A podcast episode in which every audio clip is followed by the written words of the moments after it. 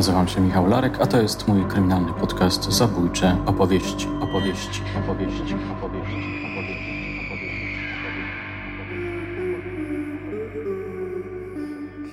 Tłuste lata 90. Przypadek Andrzeja.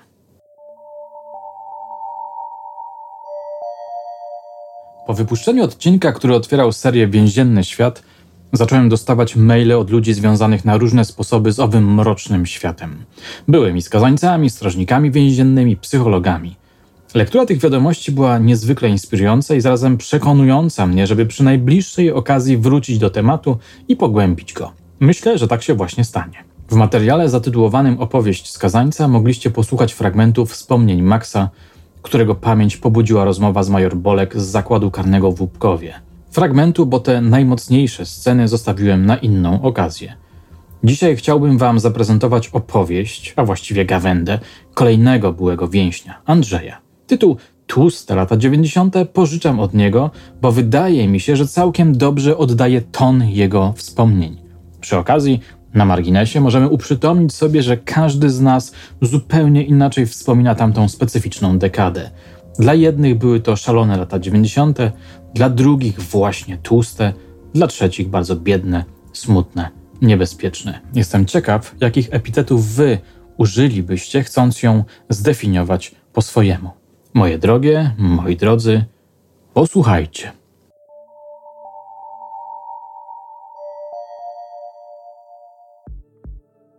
Pochodzę z tak zwanej średniej klasy społecznej. Moi rodzice pracowali, w domu nie było patologii, awantur. Dzieciństwo miałem raczej udane.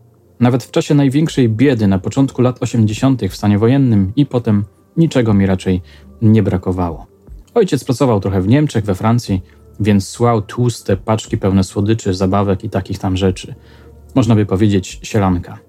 Pierwszy kontakt z milicją, a dokładnie ucieczkę przed nią, zaliczyłem w wieku 8 lat. Kolega podwędził 20 dolarów swojej cioci, która przyleciała z Ameryki. Poszliśmy ze zdobyczną forsą do Peweksu po słodycze.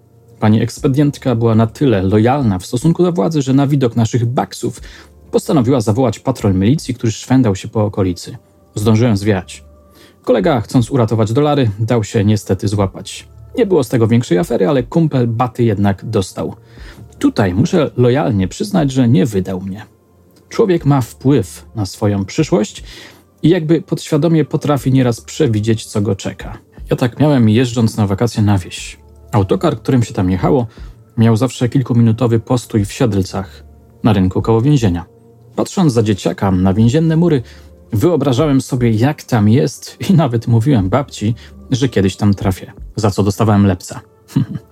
w 1987 roku więźniowie z Sikawy wspomagali budowę osiedla, na którym zamieszkaliśmy po zmianie systemu.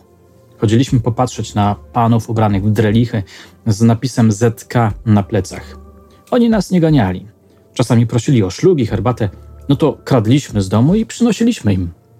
W 1994 roku miałem 15 lat i handlowałem na rynkach, poznając nowe towarzystwo.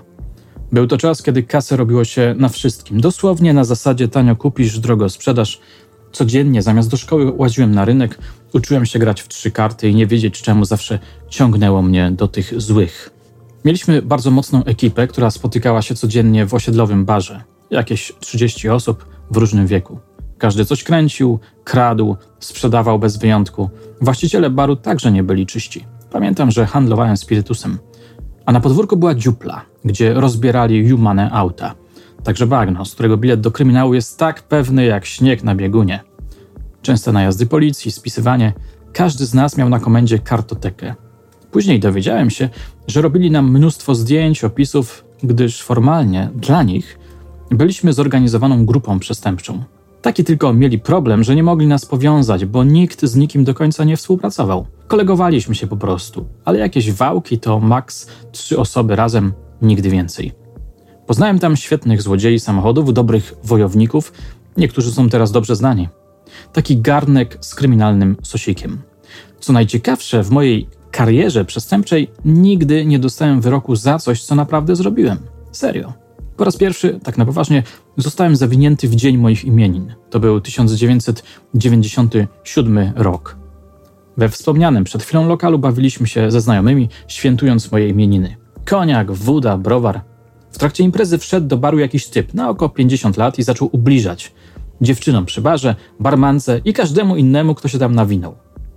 Jako gospodarz imprezy wstałem i kazałem mu wypieprzać. Wyszedł, ale za chwilę wrócił i zaczął mi ubliżać. Wtedy wstałem i wywaliłem go na zewnątrz. Dostał ze trzy liście, ale nie odpuszczał. Dalej jechał nam od frajerów i tym podobnych. Zebrała się pięcioosobowa grupa. Kiedy ruszyła na niego, ten zaczął uciekać. Dogoniliśmy go po kilku metrach. Dostał jeszcze strzała ode mnie, a potem trzech kolegów nasadziło mu trochę kopów. Typ jakoś się wyszarpnął i uciekł. Po godzinie wpadła do baru policja. Dziesięć chłopa. I jeb mnie oraz kolega na glebę. Zawijka na komendę. Okazało się, że tamten pacjent to był emerytowany policjant. Najpierw zgrywał chojraka, ale jak dostał po dupie, to naskarżył na nas kolegom. Siedząc na korytarzu, słyszałem, jak jeden policjant z nim gadał i mówił mu, że nas wypuszczą, bo tak naprawdę nic się nie stało. Na co on, że w takim razie zgłasza jeszcze do tego kradzież zegarka, długopisu i grzebienia. Dodał jeszcze, że ci, co go kopali, to chcieli od niego 100 tysięcy marek. Na pytanie, kto go kopał, nie wskazał mnie, ale powiedział, że ja pierwszy go uderzyłem i że to ja jestem szefem tych bandziorów, którzy działali na moje zlecenie. W nocy operacyjni złapali pozostałą dwójkę kolegów i tamci przećpani na głodzie i zastraszeni, że mają na nich inne kwity, dali mnie oraz kolegę na papier. Zrobili ze mnie herszta. Później wszystko wycofali, ale cóż, to było później. Na posiedzeniu o sankcje sędzia bez zmrużenia oka dał mi trzy miesiące, a koledze nic. Powiedział, że jeden musi iść do puchy, że ja byłem numerem jeden w kolejce, to sorry, ale trafiło na mnie. Do aresztu śledczego przywieźli mnie późnym wieczorem. Zaprowadzili do jakiegoś pomieszczenia, gdzie wypytywali o dane, stan zdrowia, dali mandżur i wrzucili do śmierdzącej celi przejściowej. Siedziało tam dwóch gości, małolat i zgret. Od razu pierwsze pytanie. Za co wjechałeś? Pokaż kwity. Odpowiadam, spoko. Tu jest postanowienie artykuł 210, paragraf 1. Młody mnie spytał, czy gry psuje. Ja mu na to, że będę. To okej, okay, pójdę na odstawkę i jak dojdą, kto jestem, to podejmą decyzję. Kazali u wychowka potwierdzić chęć grypsowania i poradzili, żeby nie dać im się zastraszyć. Najlepsze jest to, że później okazało się, że ten małolat wcale nie grypsował. Rozmowa z wychowawcą była krótka. Jego pytanie, grypsujesz czy nie? Moja odpowiedź tak. Okay, twój wybór, mam to gdzieś. Tyle. Po trzech dniach przerzutka na drugi pawilon. Nawet schludny w porównaniu z przejściówką, gdzie syf mogiła komuna w pełnym wydaniu. Wjeżdżam pod celę, a tam ku mojemu zdziwieniu kolega ze szkoły i drugi z tej samej dzielnicy. Mimo tego, że mnie znali, padło pytanie, grypsujesz? Odpowiedź tak. Dopiero podali mi rękę. Szybka akcja na temat gajówki, zasad w celi i tak dalej. A potem na spacer pokazać się innym. Musiałem chodzić na spacery przez dwa tygodnie. Taki zwyczaj. Wszyscy mieli mnie sobie dokładnie obejrzeć. I gdyby ktoś miał jakieś zastrzeżenia do mnie, to musiał je zgłosić odpowiedniemu człowiekowi, żeby można było rozkminić co i jak. Nikt nic do mnie nie miał, więc po dwóch tygodniach zacząłem przyswajać tak zwaną bajerę. A, zapomniałbym. Na pierwszy spacer ze mną w roli głównej musieli wyjść obowiązkowo wszyscy gry psujący z burty oddziału. Mieszanych spacerów ani tam cel nie było. No i tak właśnie zacząłem swoją przygodę w areszcie śledczym. Jeszcze może dopowiem. Te trzy miesiące, o których wspomniałem, to była sankcja, która została przedłużona później do dziewięciu miesięcy. W 1999 roku w styczniu wróciłem na 8 miesięcy, a potem jeszcze na półtora roku.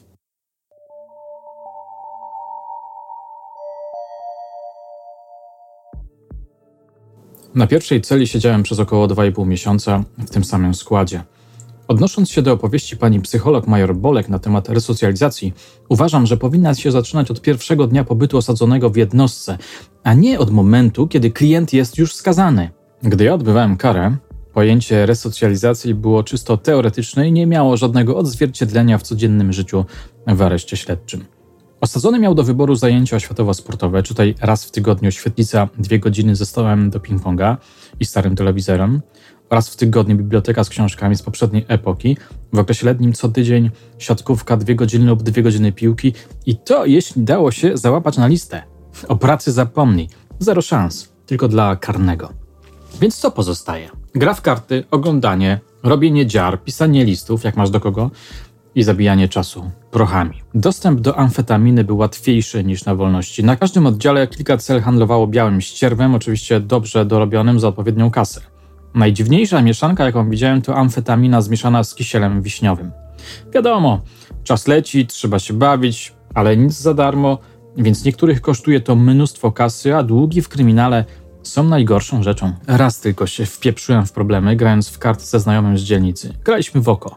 Dobrze mi szło. Byłem 15 kartonów do przodu, ale on mówi: daj się odegrać. I dałem się odegrać. 20 kartonów w plecy. I wiesz co? Nie dał mi się odegrać. Musiałem organizować 20 kartonów mocnych. Gdybym tego nie oddał, miałbym poważne kłopoty. Być może nawet mógłbym zawisnąć. Kto wie, takie tematy często kończą się poważnymi konsekwencjami. Nadszedł miesiąc moich 18 urodzin. Większość moich rówieśników spędzała swoje osiemnastki na wolce, w klubach, na domówkach itp., a ja w areszcie śledczym na celi 104, pijąc spirytus dorobiony z ćwiartką wódki za 100 PLN-ów w butelce po śmietanie. Tak, tak, prawdziwy spirytus. Skąd? Ano tam było wszystko, jak w markecie, tylko z wyższą marżą. No i jakość czasami pozostawiała wiele do życzenia, ale jak mus, to mus. Kontrabandę w większości przynosiły gady, czyli strażnicy. I to była norma. Chciałeś spirytus? Ok, no problem. Telefon? Spoko, damy radę.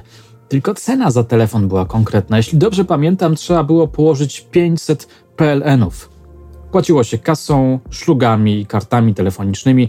To były trzy podstawowe waluty w tamtym miejscu. Z racji tego, że byłem człowiekiem grypsującym, miałem lepszy dostęp do pewnych tematów i korzystałem z tego jak mogłem. I nawet mi się tam podobało.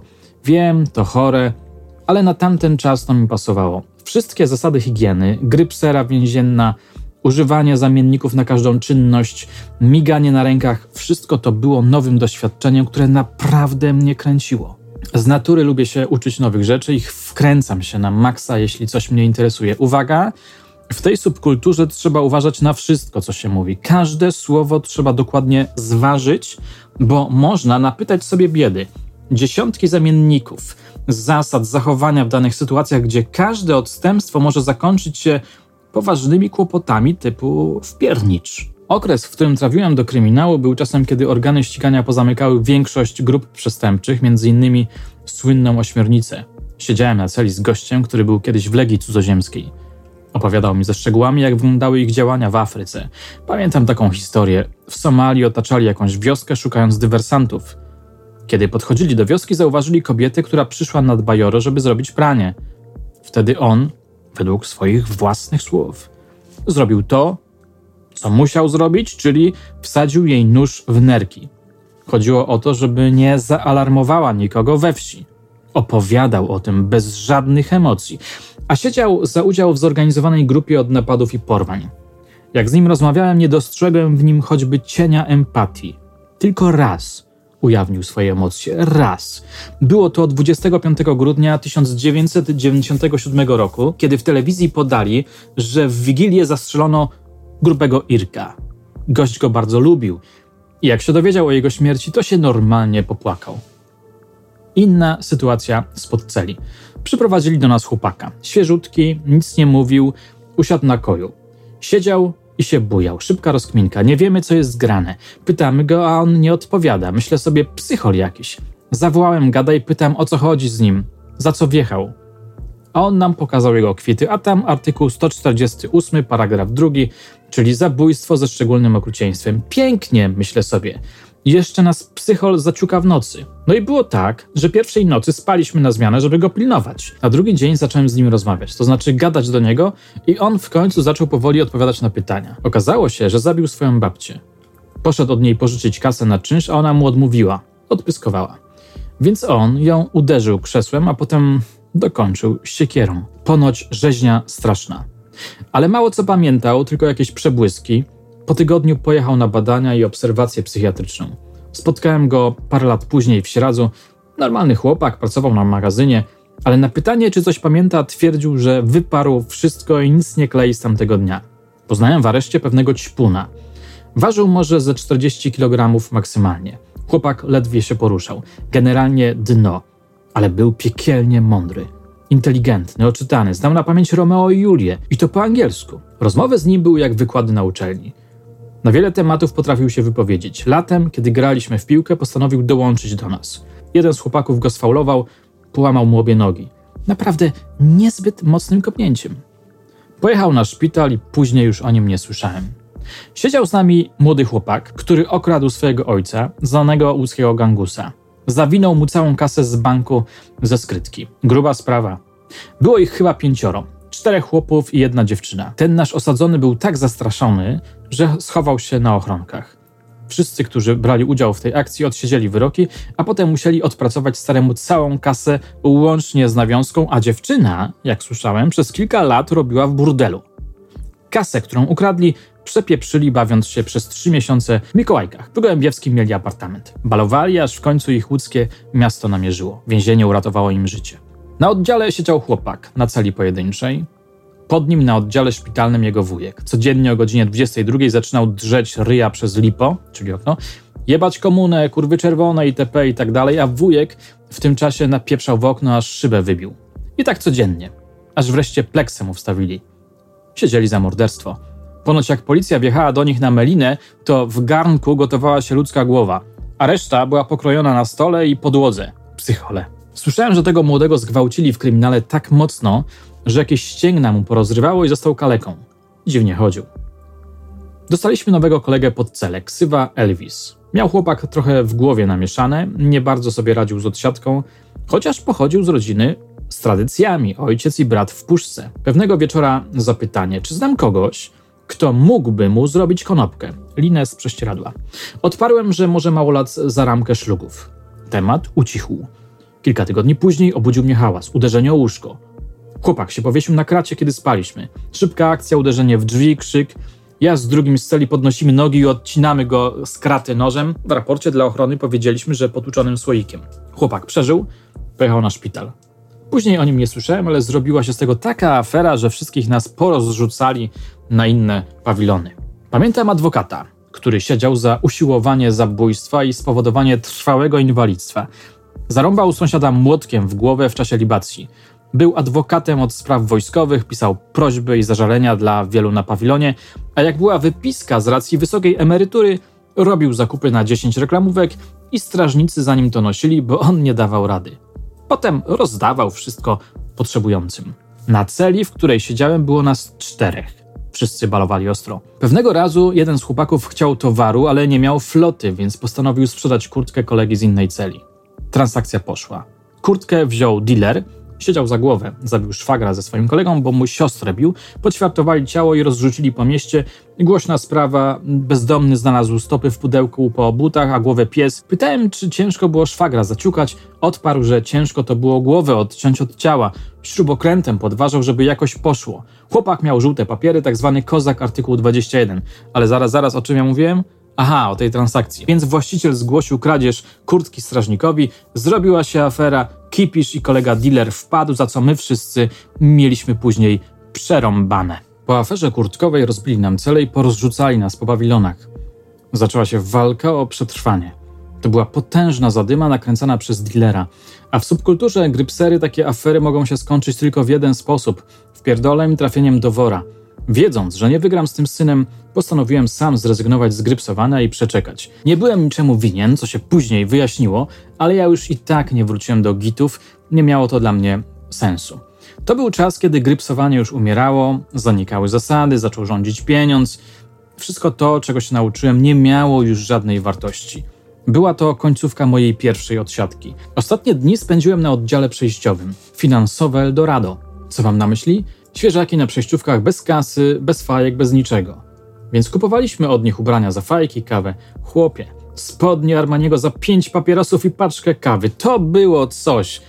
Wychodząc z pudła miałem najlepsze ciuchy i kupę siana. Na przejściówkach były dwie cele stałe. Moja i pewnego pana z miasta. Siedział za udział w grupie. Zabójstwo, porwania, napady i jeszcze kilka artykułów. Dostał 25 lat. U niego można było kupić każdy alkohol. To znaczy koniak, whisky, wódka za odpowiednią cenę. Zamiast butelek oryginalnych były flakony po środkach czystości. Normalnie sklep całodobowy. Pamiętam człowieka. Biznesmen z branży hurtowniczej wpadł za przekręty VAT. Nie miał fajek, a kurzył jak smok. Sprzedał garnitur Hugo Bossa za trzy ramki mocnych i 250 gram kawy. Złoty strzał. Potem mu Malboro goniłem za gotówkę, bo nie miał widzeń jeszcze. Później spotkałem go, jak siedziałem za drugim razem w 99 roku. Żył jak pączek w maśle. Miał wypiski, niczego mu nie brakowało. Polubił mnie i często się dzielił ze mną. Odbyłem z nim wiele rozmów. Naprawdę mądry gość, no ale przekręt. Pamiętam pewien sen. Śniło mi się, że gad przychodzi pod cele, otwiera furtę i mówi, że mam zwijać mandżur. Więc zwijam sobie powoli z koca, na co on mi mówi, w prześcieradło zwijaj, na biało, bo na wolność idziesz. Mandżur, czyli cały sprzęt więzienny, koce, poduszki itd. Kiedy wychodzi się na wolność, zawija się w prześcieradło. Taka tradycja. Sen, który się śni wielu osadzonym. Na pewno z gatunku bardzo miłych. Z tą jednak różnicą, że noc po tym śnie naprawdę wyszedłem i sytuacja była dokładnie taka jak we śnie. Więc zacząłem wierzyć, że jest coś na rzeczy, że każdy człowiek nieświadomie może sobie przyszłość przewidzieć. Jak ja się cieszyłem tym dniem, kiedy brama zamknęła się za mną. Mogłem iść dokąd chciałem. Uchylono mi areszt, zamieniono go na dozór policyjny, gdyż ustały przesłanki z dnia orzekania sankcji. Musiałem się meldować dwa razy w tygodniu, w środę i w soboty na komendzie. Uciążliwe, ale zawsze to człowiek na wolności. Pierwsze kroki postawiłem do baru, a jakże. Do osiedlowego baru, gdzie wszyscy się spotykaliśmy. Do tego mordoru, gdzie zło, kłamstwo i przemoc.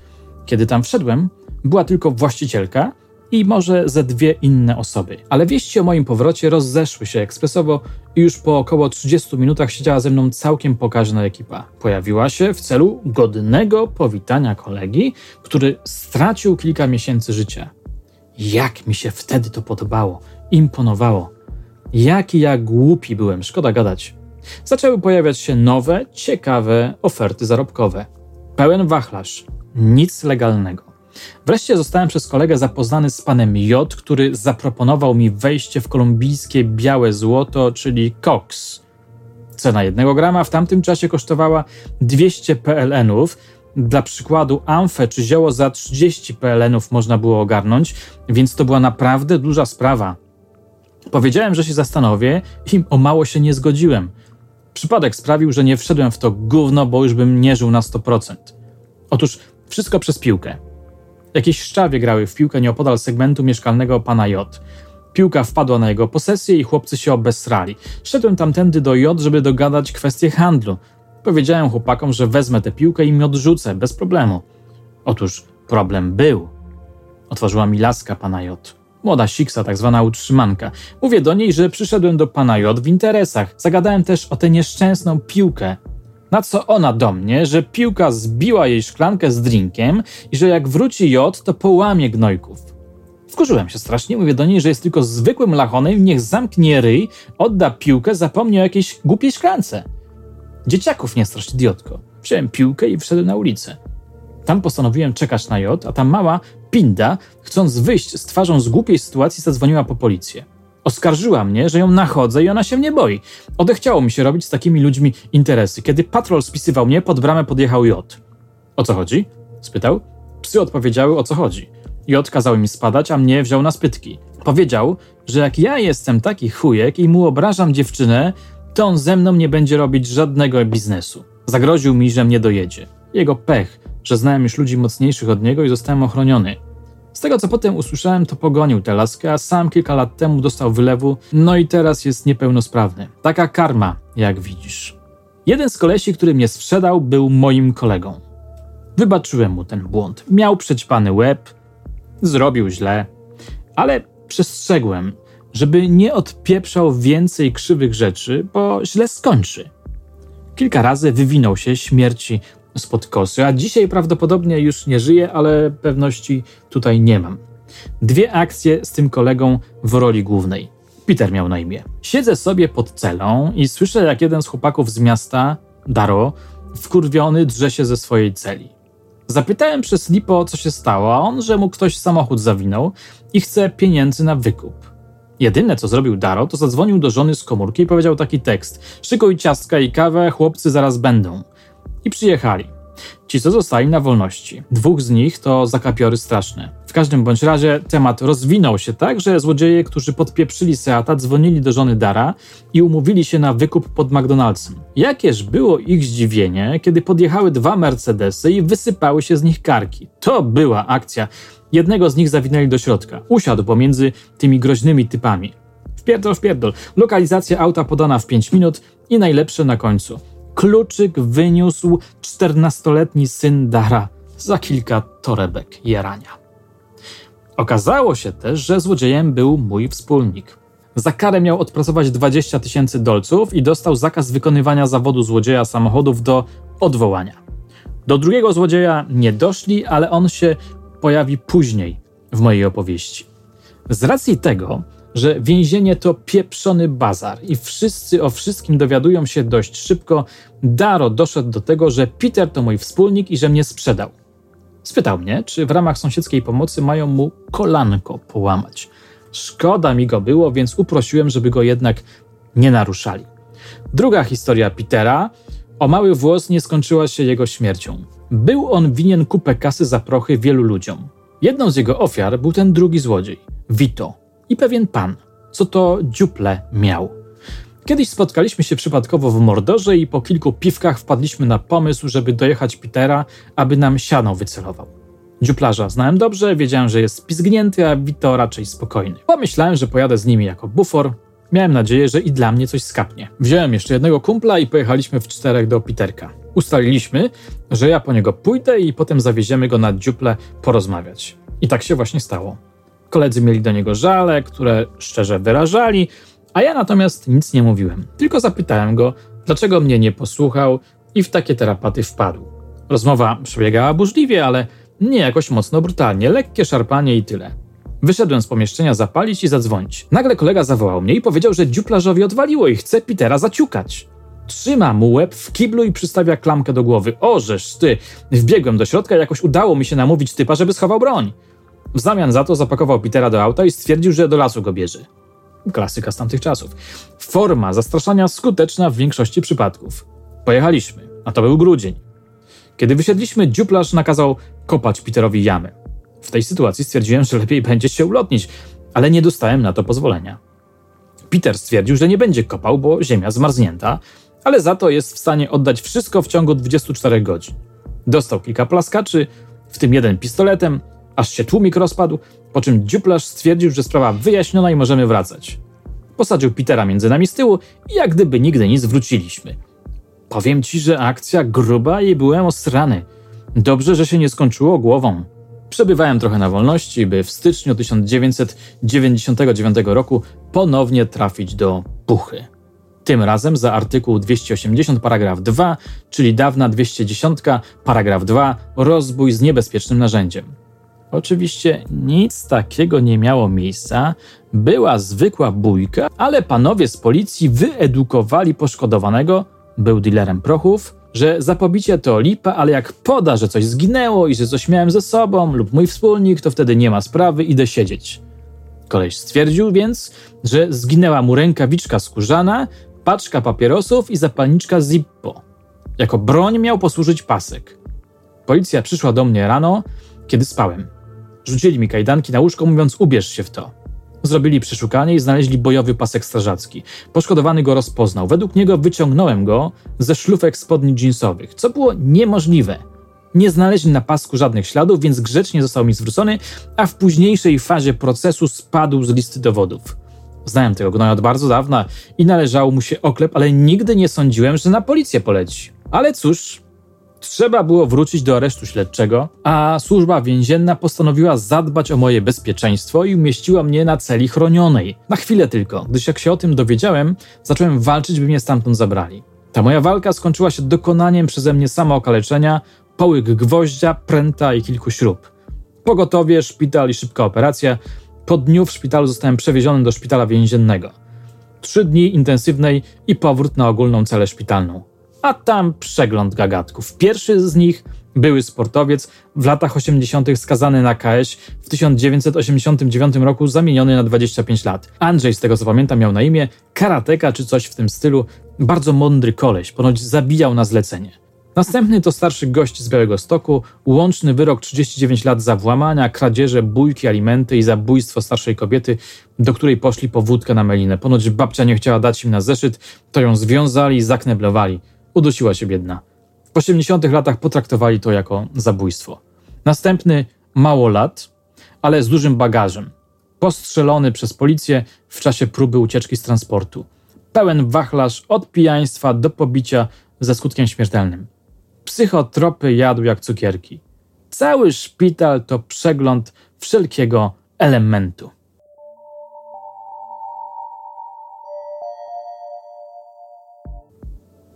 W szpitalu więziennym jest dziwniej niż w samym więzieniu. Niby służba zdrowia, mają cię kompletnie w dupie. Lekarze, pielęgniarki, cały personel. Tylko zrobić swoją zmianę, rozdać leki i spadać do domu. W ranę po operacji wdała mi się infekcja ropna. Trzeba było oczyścić ranę, rozrywając ją, oczywiście na żywca.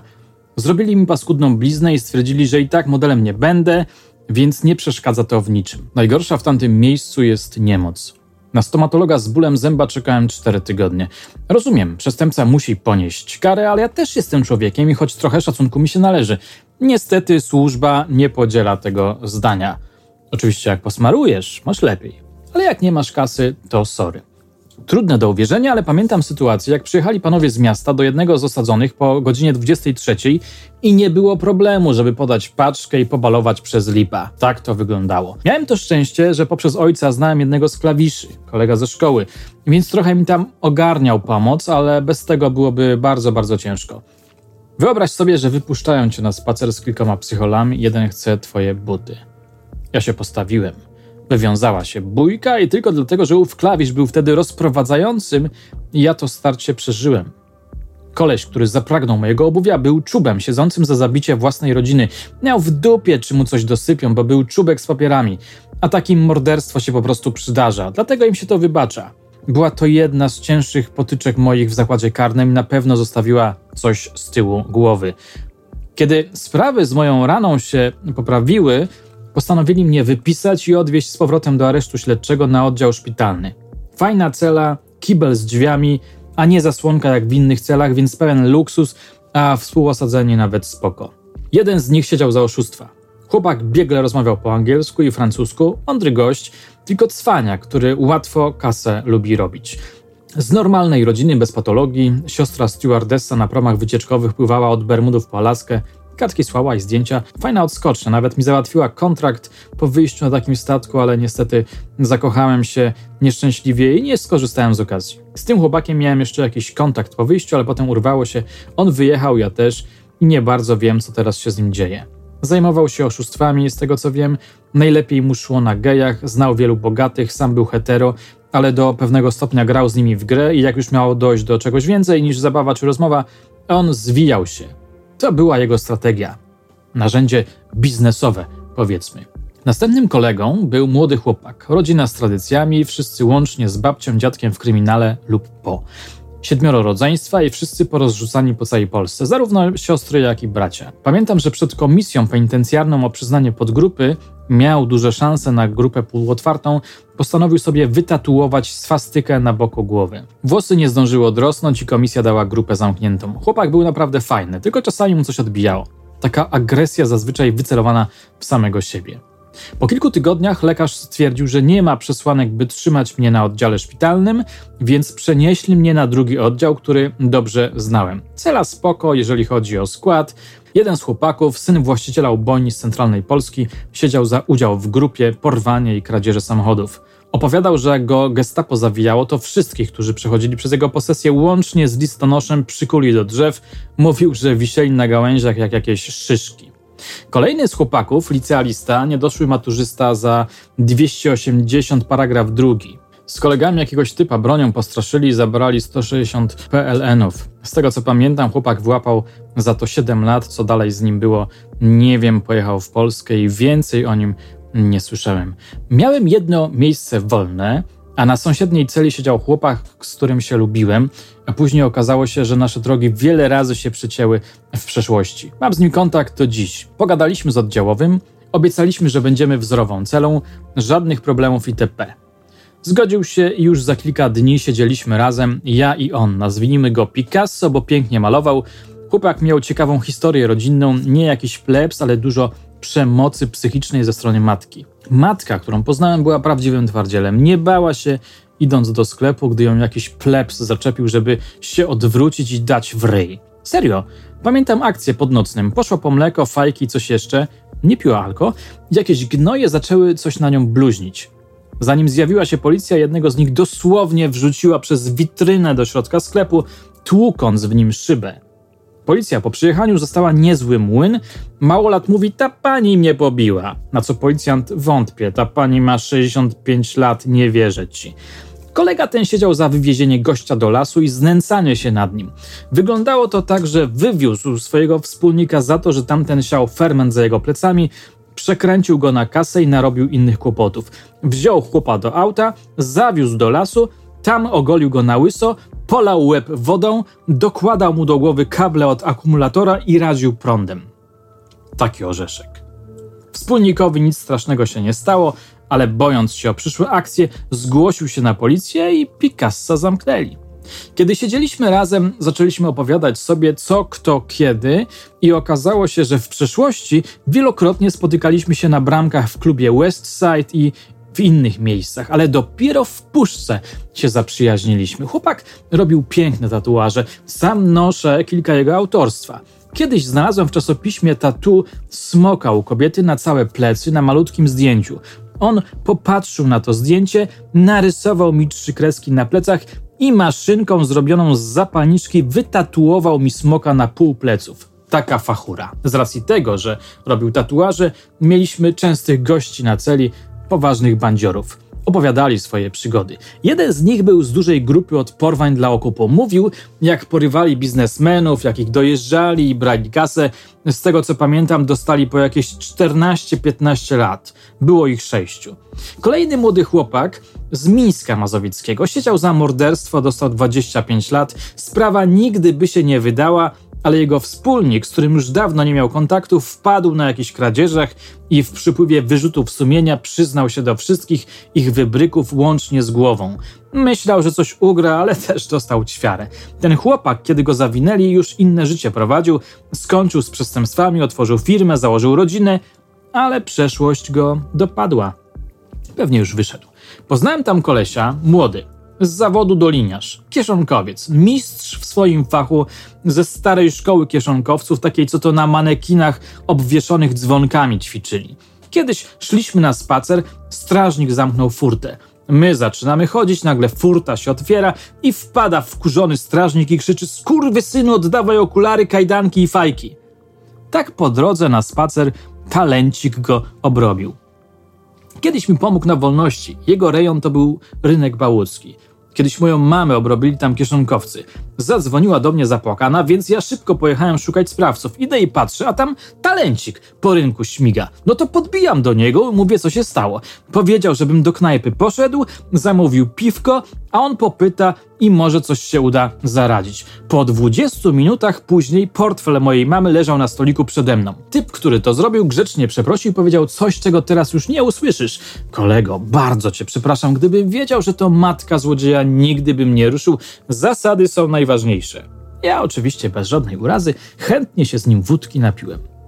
Poznałem również gościa, który siedział za napad w Warszawie. Był z grupy Rympałka. Ten wypadł na wypłaty. Głośna sprawa, on był byłym funkcjonariuszem antyterrorystów. Dziesiątki ludzi, setki spraw, a wiele z nich pamiętam. Staram się o tym pisać chronologicznie. Wracając do mojego kolegi Picassa. Po wyjściu na wolność często się spotykaliśmy. Nawet pracował u mojego ojca w firmie. Potem razem na budowach. Do tej pory mam kontakt z nim. Obecnie ma firmę budowlaną i zajmuje się rekonstrukcjami wojennymi. Organizuje spotkania dla młodzieży, opowiada o wojsku, akcje charytatywne. Naprawdę super gość, pomimo mrocznej przeszłości. Mieliśmy kiedyś taką trochę głupią sytuację. Mianowicie jadę z nim samochodem przez jedną z osiedli. Kiedy przejeżdżamy obok kamienicy, on nagle mówi, że w tej bramie mieszkał kiedyś. A ja na to, to może znasz taką Jolkę? Miałem kiedyś epizod w pracy w agencji towarzyskiej jako ochroniarz i woziłem taką jedną do burdelu stąd. Pracowała tam. Okazało się, że to była jego żona. Taka akcja. Lata 90. były naprawdę dziwne i dynamiczne. Nadszedł czas mojego drugiego procesu w sądzie okręgowym. Sędzią głównym składu był nie kto inny jak Anna Maria Wesołowska. Serio, tak, ta sama, która teraz robi karierę telewizyjną, skazała mnie na dwa lata i trzy miesiące, wypuściła z sądu na uprawomocnienie wyroku na wolność. Odraczałem odbycie kary, ale w końcu trzeba było się stawić, więc zacząłem się ukrywać. Był to dla mnie najgorszy okres w życiu. Ciągły strach, że mnie zamkną. W końcu postanowiłem, że stawię się sam do aresztu. Miałem dosyć uciekania. Odsiedzę, co mam odsiedzieć i zacznę nowe życie. Zrobiłem pożegnanie z kolegami. Ekipą odwieźli mnie pod areszt, a tam niespodzianka. Strażnik na bramie powiedział, żebym spadał, bo on nie ma na mnie kwitów i że mam to sobie ogarnąć i wtedy wrócić. No to okej. Okay. Wracam do domu. Mieszkałem na czwartym piętrze, wchodzę, a tu dzwoni kumpel i mówi: Psy po ciebie jadą. A ja zamiast czekać na nich grzecznie, spieprzyłem przez balkonem do sąsiadki i potem w dół do kolegi. Jakiś głupi instynkt mi się włączył. Ale akcja była. Szukali mnie wszędzie po mieszkaniach, na dachu, ale nie znaleźli. Ojciec mój powiedział im, co się stało, że byłem w areszcie, ale mnie nie chcieli, teraz coś mi odbiło i takie tam. Dogadali się z nim tak, że oni teraz pojadą i wrócą za pół godziny, a ja mam na nich czekać. Wtedy to nie zrobią mi sprawy o ucieczkę i ładnie potraktują. Tak zrobiłem. Równo dwie godziny później podjechali, a ja z torbą czekałem na nich pod klatką, a ze mną ze dwudziestu kumpli, którzy mnie żegnali. Komedia na osiedlu, ale słowa dotrzymali. I co? Powrót na stare śmieci po raz trzeci.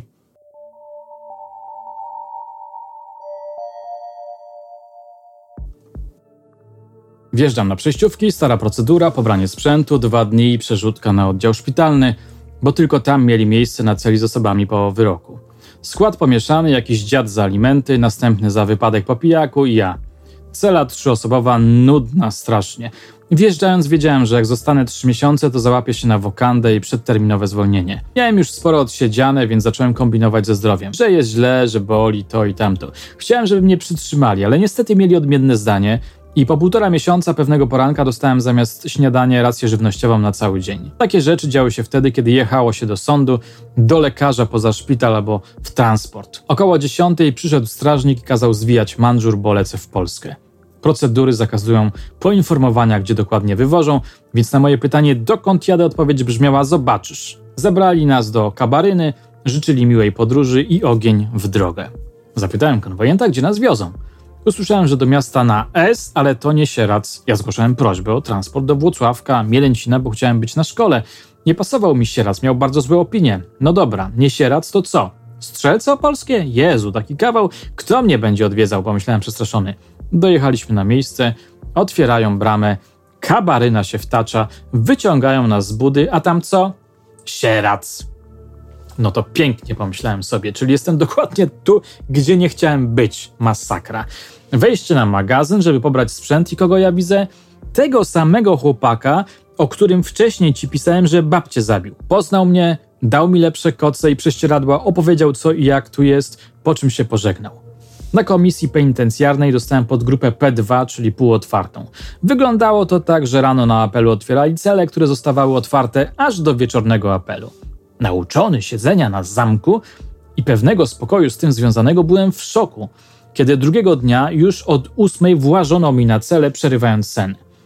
Ja chciałem sobie jeszcze smacznie pospać, a tu ktoś przychodzi do kogoś, gada, pyta i tak dalej. Nasza cela liczyła osiem osób. Mało tego, od apelu rannego nie można było na łóżku niepościelonym leżeć.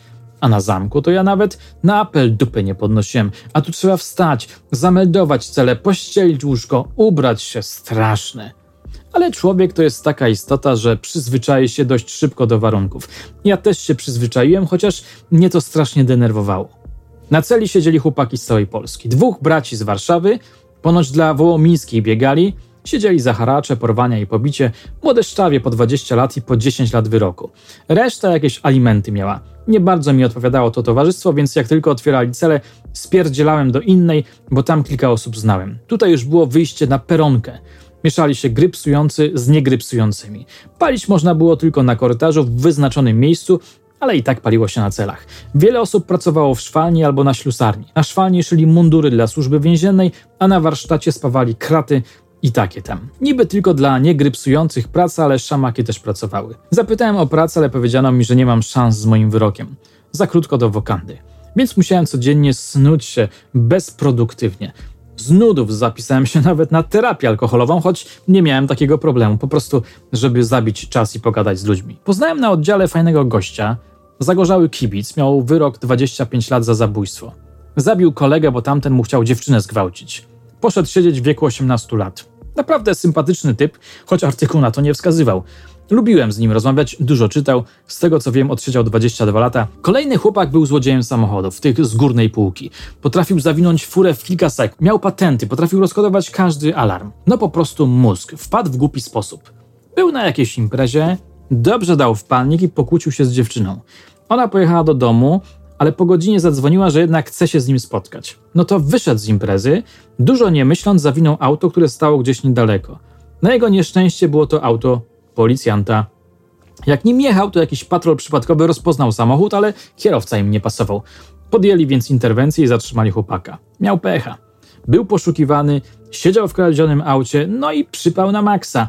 Postawili mu w sumie 165 zarzutów kradzieży samochodów. Utrzymało się tylko 20, ale i za to dostał 12 lat. Dziewczyna oczywiście znalazła zastępstwo, Chłopak dużo ćwiczył i pamiętam, że dietę miał. Spotkałem kilku kolegów z wcześniejszych lat z Puchy w Łodzi, między innymi utalentowanego doliniarza, o którym wcześniej wspominałem.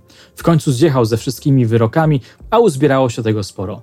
Kilku kumpli z baru, co go tak lubiłem odwiedzać. Siedzieli na zamkniętych oddziałach, więc kontakt z nim miałem tylko jak szli na łaźnię albo spacer.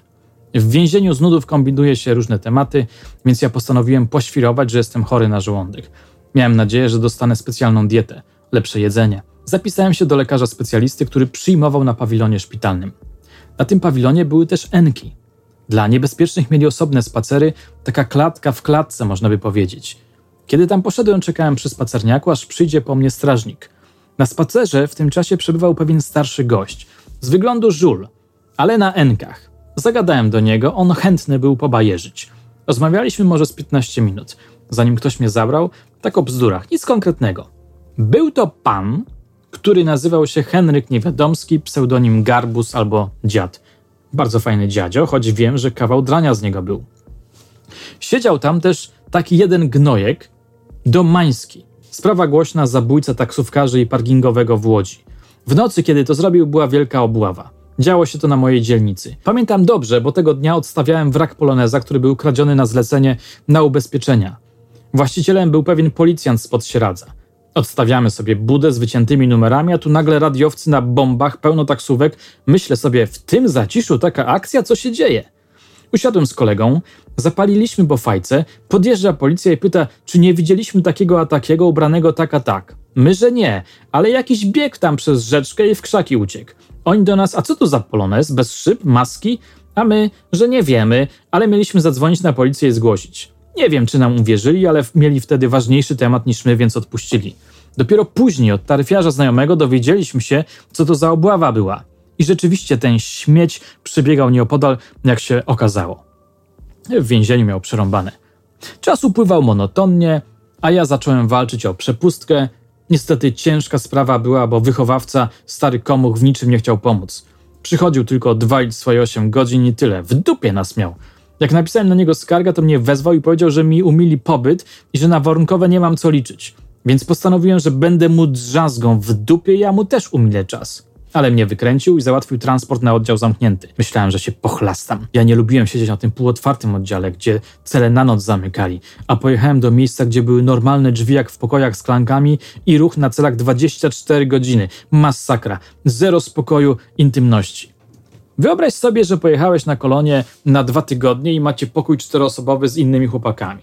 Oglądacie telewizję i w pewnym momencie jeden z twoich kompanów wypala, że miał podobną sytuację jak bohater i wtedy drugi mu mówi, a tam gadasz podkrętka. I ten pierwszy opowiada cały temat, jaki mu się przydarzył ze szczegółami.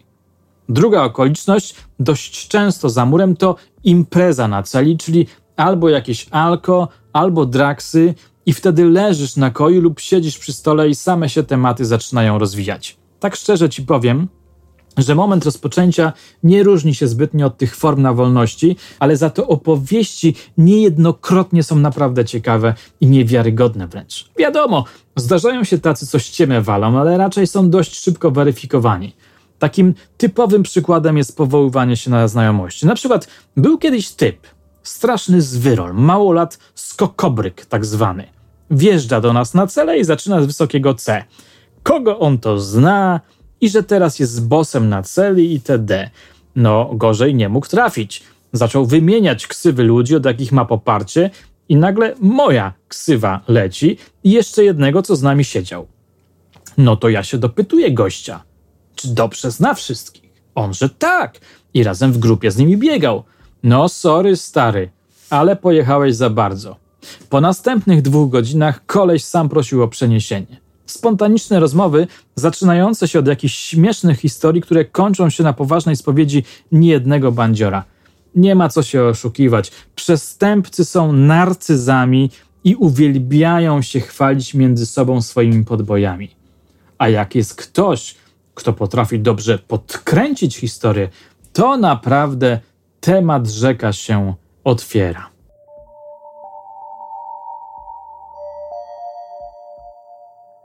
Moje drogie, moi drodzy, zanim się z Wami pożegnam, chciałbym zachęcić tych wszystkich, którzy mają wiedzę o więziennym świecie do kontaktu.